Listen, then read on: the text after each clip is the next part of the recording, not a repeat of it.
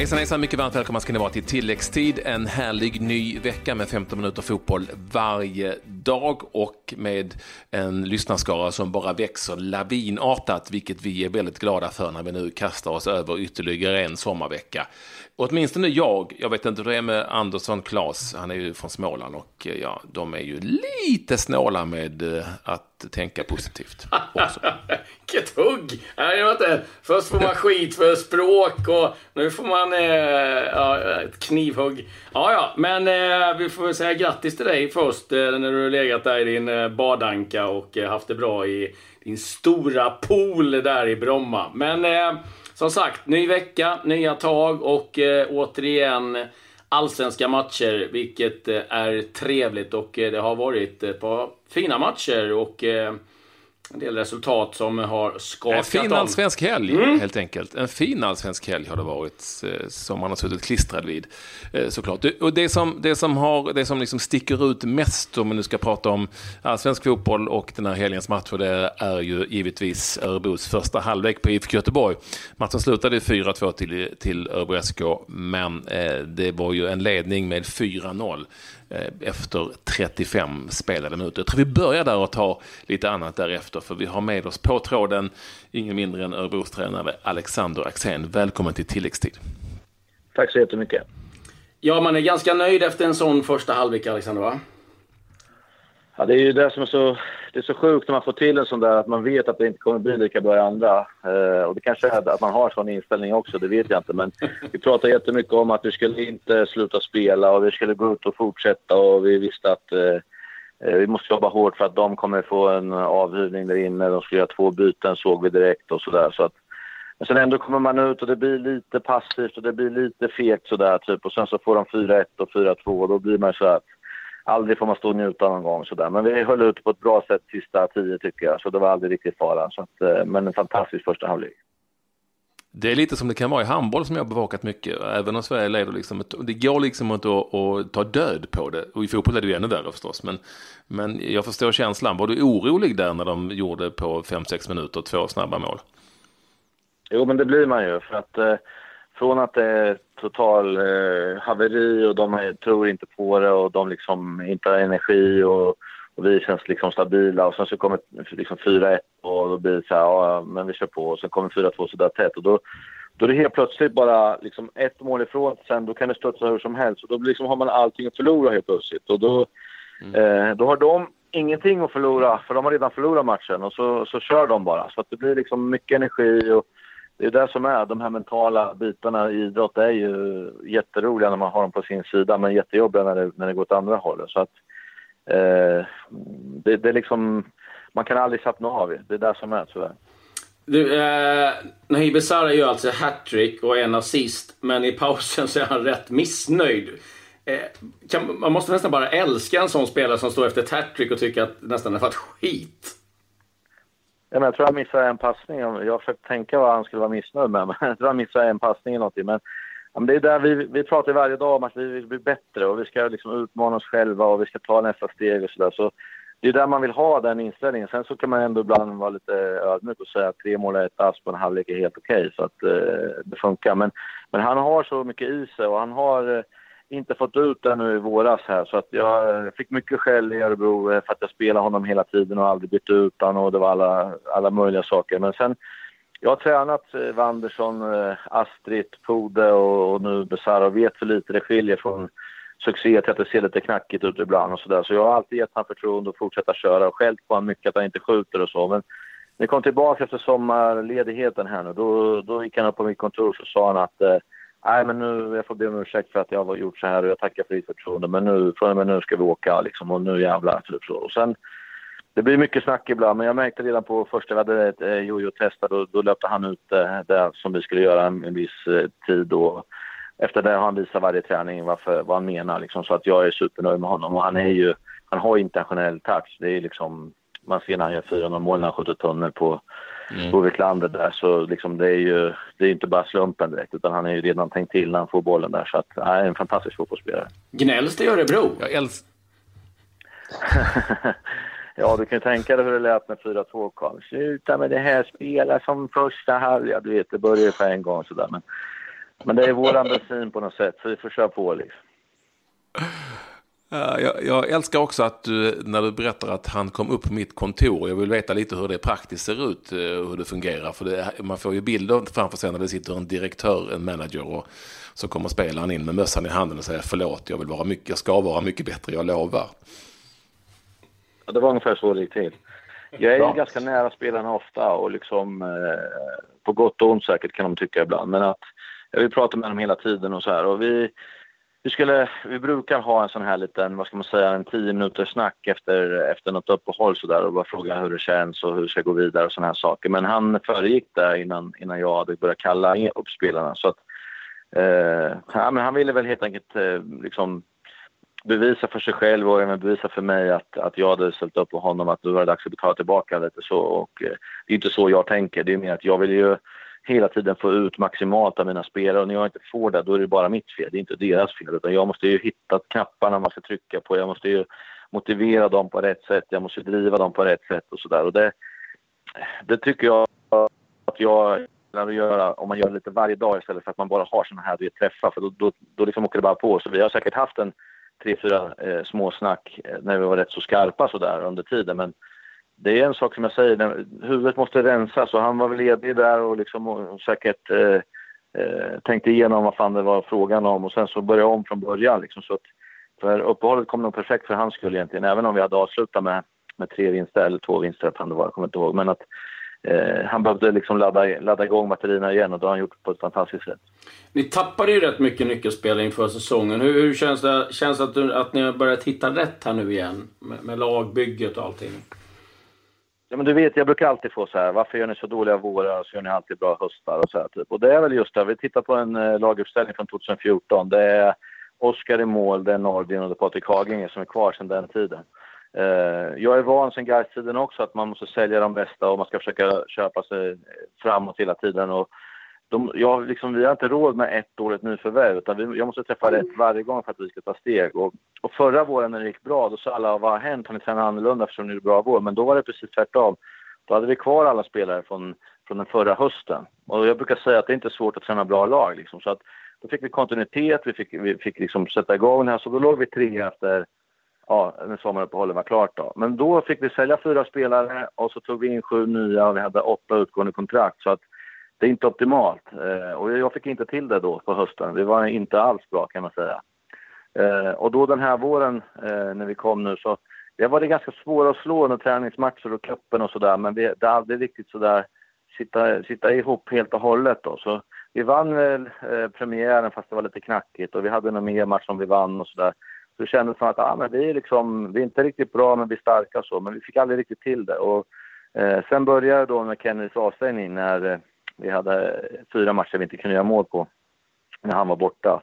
Och då började liksom, du vet, det började gnällas direkt och hit och dit och så. Och så sen var det väl egentligen efter Sundsvall, när vi fick stryk hemma med 2-0, då, då kan jag, jag kan inte ta på det riktigt, men två, två dagar efter den så hade vi träning och då, det var som att jag kom ner till ett helt nytt lag för att alla var på, på hugget, alla var liksom, det var en helt annan dynamik, det var liksom tryck på grejerna och så gick jag ut och tränade och Eh, den bästa träningen för säsongen och jag liksom, eh, vad fan händer typ? Och så nästa träning efter det så var det jättebra träning också. Så jag sa, vad, vad har hänt typ? Alltså nu är det tryck i oss liksom så. Och sen då hade vi Sirius hemma och då, då vill man ju tro det som tränare att ja, men nu kanske vi kan få lite lyft och sådär. Och så vinner vi den matchen.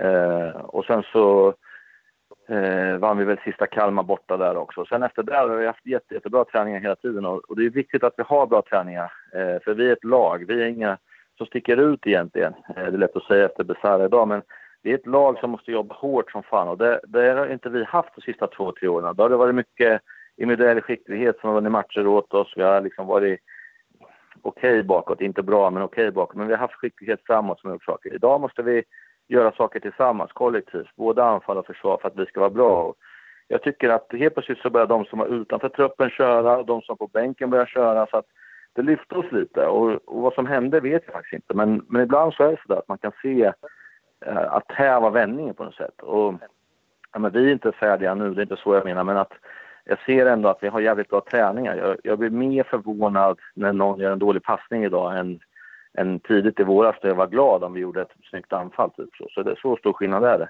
Men som sagt, sen är det klassiskt också hos ÖSK, eh, sommaruppehållet. Då har vi alltså Norrköping hemma, Hammarby borta, dubbelmöte Blåvitt, borta Häcken och Elfsborg hemma. Det är ju det är som att någon sitter och lottar så man blir helt tokig Men eh, nu har vi fått en bra start på det här, så då, liksom, då är det bara att köra, så får vi se vart vi hamnar. Du, du vet ju också, eh, du är säkert väldigt medveten om att eh, det ställs ju andra krav på, på andra, i andra klubbar och din kollega Lennartsson, det blåser kring honom nu. Det är ju förståeligt med tanke på hur resultaten har varit. Fick du någon känsla av, eh, om du nu vill prata om det, jag ut, utgår från att du skiter i det egentligen, men, men fick du någon känsla av hur läget var i Blåvitt efter en och en tung förlust och efter ett läge som med deras mått mätt inte är som det ska vara? Nej, men jag är jättegod vän med Jörgen och det, det, liksom, det minsta man vill är att det ska vara så. Det andra matchen nu, var efter Kalmar så såg de också och skrek. Och det är liksom kollegor och goda vänner som, som folk så skriker att de ska dra åt helvete. Liksom. Det är klart att det är inte är roligt. Och det är på något sätt baksidan av att man vinner. Eh, att man, att liksom man ser att de är ledsna eller att det, att det är en jobbig situation. Sen, sen skiter man ju där för man vill ha tre poäng. För jag fattar ju att det är mitt eller hans jobb. Så det är inte där. Men, men det är alltid jobbigt mm. och så. Och, eh, och det är ju rörigt eh, där nu. Det märker man ju. Det är ju mer än bara... Eh, ja men det är massa saker känns det som. Så att det är ingen rolig situation, så kan man säga. Och, och liksom spelarna, jag tycker ändå att de går ut i andra och liksom krigar för, för heden liksom och sådär. Så det var liksom ingen som sket i det så. Men, men det är ändå liksom, eh, vad ska man säga, det, är så svårt så här när man är utifrån. Man vet inte hur det fungerar och sådana saker. Men man, men man har en känsla att det inte riktigt funkar. Så är det väl. För de har ett lag som borde ligga högre upp. Det kan man väl säga. Men, men som sagt, eh, det, man vet inte helheten och då är det alltid svårt att, att veta hur det är. Liksom. Ja, men så ta din erfarenhet eh, genom alla år. Hur mycket påverkas man av allt det som händer? Det trycket utifrån och fansen som står och skriker och ja, media vill ha sitt. Jag tror man är väldigt olika, men, men det är ingen roligt om alla älskar en hela tiden. Det är ju liksom, det är värdelöst ju. Så man vill ha lite sådär motstånd ändå. Men samtidigt så, det är roligare än om någon tycker att man är dum i huvudet hela tiden. Så är det ju. Så att, det är någonstans mittemellan. Jag hade ju tunga perioder i Gais när vi, liksom, så som jag tackade då, det var att jag gjorde liksom medlemsmöten. Vi sågs uppe på, uppe på Gaisgården och sen så fick alla ställa frågor och köra på liksom. Istället för att jag skulle behöva gå på stan och undra om de skulle komma någon i bakom ryggen och skulle skrika sådär. Så att, eh, och de är ju speciella Gaisarna för att det var ju 150 stycken första eh, mötet. Jag trodde ju typ att det skulle komma 10 för det är rätt så lite utanför stan och liksom man tänkte att det är 10 som är jag kanske, de kan väl komma. Men det var 150 liksom. Sen Sen hade vi lite träffar så här då och då och då, då liksom avdramatiserar man allting och sen samtidigt får man förklara liksom för vad det är som händer och va, varför det ser ut så här nu och så där. Det blir liksom enklare. Och jag tror att, eh, att det där är nog olika hur man är som person, hur man vill tackla det. Men jag har ingenting att dölja. Jag sliter varje dag för att vi ska bli bättre och ibland räcker det inte till och då är det så och, och liksom då får man ta det att folk är irriterade. Sen är ju jag gammal supporter från början och åkte på ett allsvenskt lag i ja, men, 20 år typ och såg över 20 matcher i snitt ungefär. Så jag vet ju hur det fungerar också när man liksom aldrig mer ska åka och alla är dumma huvud och det, allt är värdelöst. Sen när man kommer fram och, kliver av liksom bilen då säger man ja men vi ses på tisdag igen och så drar vi. Liksom. Det är mm. så det funkar. Så man får lite ha förståelse också men det är klart att ibland så, så liksom har ju supportrar på, de ser ju inte det här analytiska och det kanske man inte kan förvänta sig heller att eh, eh, ja men varför vart det så på ett speciellt sätt eller varför vart det så här, utan det är bara det är bara svart eller vitt hela tiden. Det är så det funkar som supporter. Mm. Att antingen är man bäst eller också är man sämst. Och, och, det är så fotboll är på något sätt. Man får leva med det. Det här jobbet är ju så att eh, eh, du får lära dig på något sätt att lägga det på en mellannivå själv. Att jag inte sitter här nu och tycker att vi är världens bästa lag och efter den första halvlek utan eh, nu vet jag att det kommer att ändras till nästa match. Vi ska möta dem igen. Vi måste tänka ut någon ny plan. Vi måste se vilket lag vi ska ha och sådana här saker. Det gäller att vara ödmjuk både med och motgång. Och framförallt så tror jag på kontinuitet, att man ska jobba så mycket som möjligt med samma saker för att inte eh, spelarna ska känna någon oro. Utan köra samma saker, stå för det, säga att det här kommer vända och jobba hårt. Liksom. Det, är så, det är så det funkar. Eh, superschysst att du vill mm. vara med oss Alec. Jag vet att du eh, sitter eh, med ett glas apelsinjuice och tittar på Tour de France när vi ringer och stör här. Men vi är ändå tacksamma för det och hoppas att du kan hänga med när de cyklar igenom landet där på den vänster ändå. Samtidigt som du pratar med oss. Spännande nu. Det har varit fantastiska etapper de här sista tre, fyra. Så jag är grymt nöjd faktiskt. ja du, TV-kvällen är räddad. Och jävlar vad skägget hade växt. Du, Ja, jag vet. Du måste jag fixa vet. skägget. Fan, jag Nu såg det- här på tv när jag varit intervjuad. Jag hade inte märkt det, så jag måste nog fan rätta till det där lite. Sist hittade jag en cykel i skägget när jag klippte mig, så det är dags att göra någonting åt